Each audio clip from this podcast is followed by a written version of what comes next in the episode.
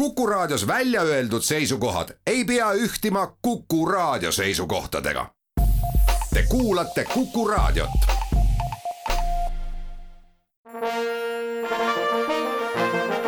Vanemuise veerand Vanemuise veerand alustab, Kuku raadio stuudios on lavastaja Ain Mäeots, tere Ain! tere! ja saatejuht Tiia Rööp, tere kõigile kuulajatele! sa käisid saates külas hiljaaegu, jaanuarikuus mm, -hmm. enne seda, kui tuli välja lavastus Kõik minu emast. milliseid tagasipeegeldusi sa oled saanud pärast lavastuse Kõik minu emast väljatulekut? no mul on tõesti hea meel öelda, et äh, ainult äh, praktiliselt eranditult positiivseid ja isegi väga positiivseid nii publikult kui ja ka ajalehes äh, on vähemalt kaks hästi, hästi sooja ja toetavat ja kiitvat arvustust, et selle üle on ainult hea meel meie tänase saate teemaks ei ole lavastus Kõik minu emast, aga ma siiski peatun veel korra selle lavastuse juures. Vanemuise näitlejate kõrval jäi mulle silma külaline Karl Kristjan Puusepp kelle idee oli panna ta klaverit mängima, ta ei jäänud silma ainult sellega, et ta klaverit mängis mm, sel puhul võib öelda ka no, kõrva. see on see, et äh, loomulikult, kui äh, võimalust on ja lugu seda soosib ja võimaldab, siis äh, kõik, mis ühel näitlejal pakkuda on, sest kuigi tegemist ei ole näitlejaga, tegemist on gümnaasiumiõpilasega veel, siis kasutasime seda lihtsalt ära. Karl Kristjaniga on meil teatri mõttes juba mm, ütleme rahulikult kaheksa aastat ajalugu, selles mõttes, et ta minu lavastuses Fanny Aleksander, mis esitlenes kaks tuhat neliteist ja mida siis paar hooaega mängiti, mängis väikest üheksa-aastast Aleksandrit, mis oli mingis mõttes nagu ka ikka täiesti läbiv või noh, nimi osa ikkagi. ja siis ta oli üheksa-aastane, üheksakümne-aastane, nüüd on ta praegu seitseteist või on juba kaheksateist, ma ei tea, igal juhul tegemist ei ole selles mõttes teatrikooli läbinud näitlejaga, vaid, vaid noore, noore andeka poisiga. väga sümpaatne oli, aga nüüd jõuame selle teema juurde, milleks ma palusin sind saatesse külla tulla. Siret Kämpeli ulmelugu Beatrice mängitakse nüüd kevadhooajal kolmel korral. üks etendus on veebruaris, kaks tuleb märtsis Beatrice tuli välja kahe tuhande seitsmeteistkümnenda aasta sügisel, Vanemuise suure maja lavatehnika oli just uuendatud ja võib öelda, et sa kasutasid neid uusi võimalusi üsna innukalt või agaralt. nüüd on esietendusest mööda läinud viis aastat ja ikka tuleb ette, et lavastustes tuleb vahetada osatäitjaid.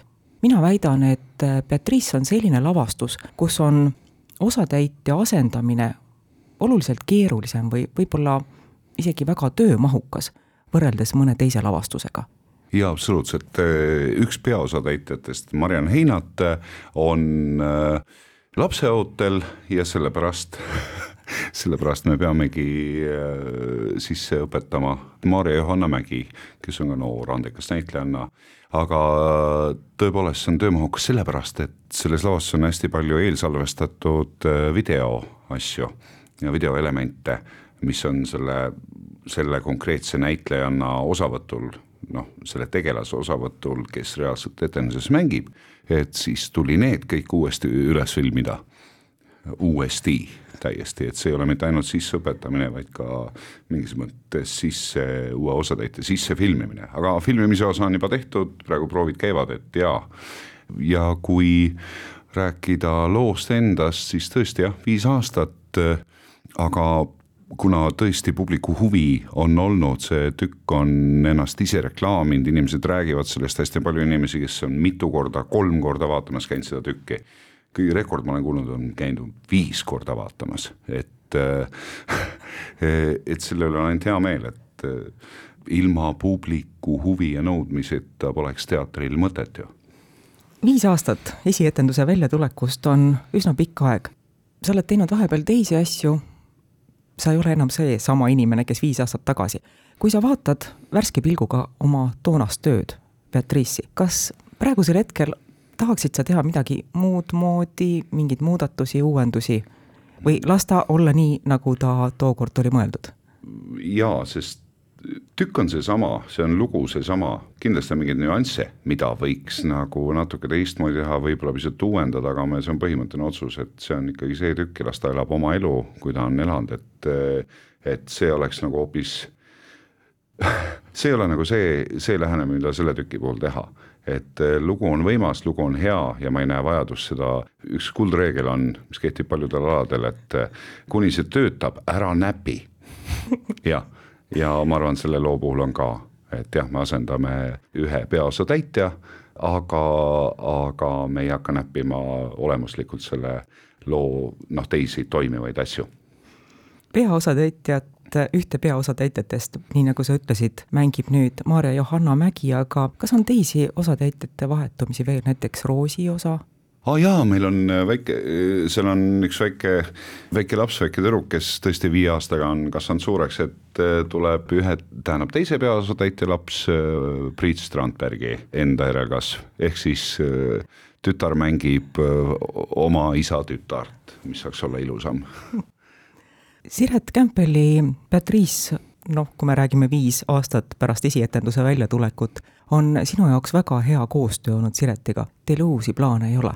Mm, on ikka, aga, aga mida aeg edasi, seda rohkem elu on õpetanud, et äh, ära kaaguta asjadest liiga vara, ei äh, ma ei taha rääkida asjadest, mis on embrüonaalsed või veel lahtised või noh, mis on lahtris eh, loodetavasti ja võib-olla ja lähemas või kaugemas tulevikus, et, et ma olen tähele pannud, et liiga varakult rääkides sõnud need asjad ära, lihtsalt sellepärast ei jaa, aga kindlasti meid, meil, meil siin koostööd on ees, aga sellest juba õigel ajal. teeme saatesse väikese pausi.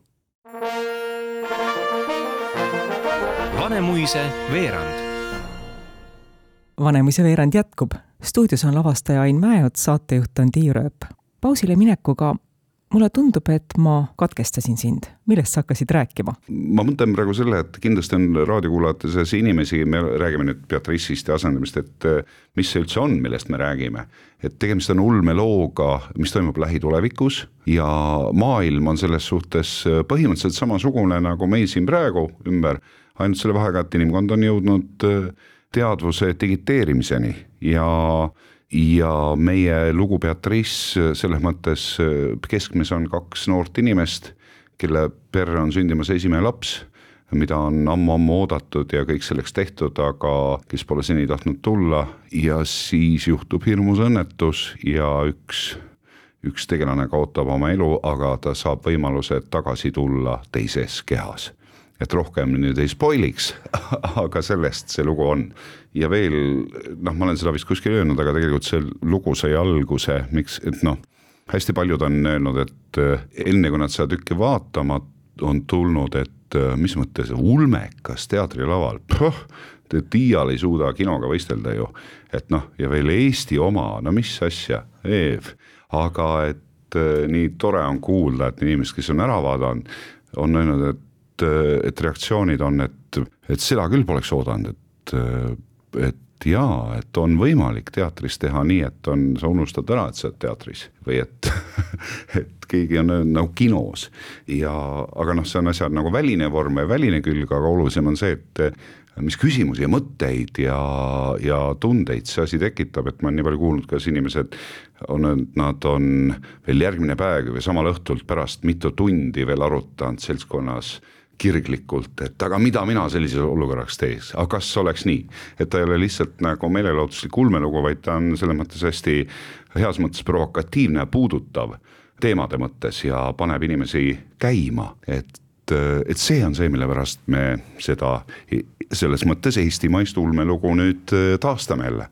Mis võiks olla veel paremaks komplimendiks lavastajale, kui ta saab tagasisidet, et vaatajad on hiljem mitu tundi omavahel arutanud, milles see lugu on, kuidas lahendada ühte või teist asja? täpselt, see on, äh, sel hetkel saad tagasi kõik need äh, magamata ööd, mis sa oled vaevanud selle loo või lavastuse lavastust tehes, et, et kõik need hallid juuksekarvad ja hävinud äh, närvirakud saavad kuhjaga tasa sellistel hetkedel lavastuses Beatrice ühe tegelase teadvus digitaliseeritakse ja seda hakkab kandma teine persoon.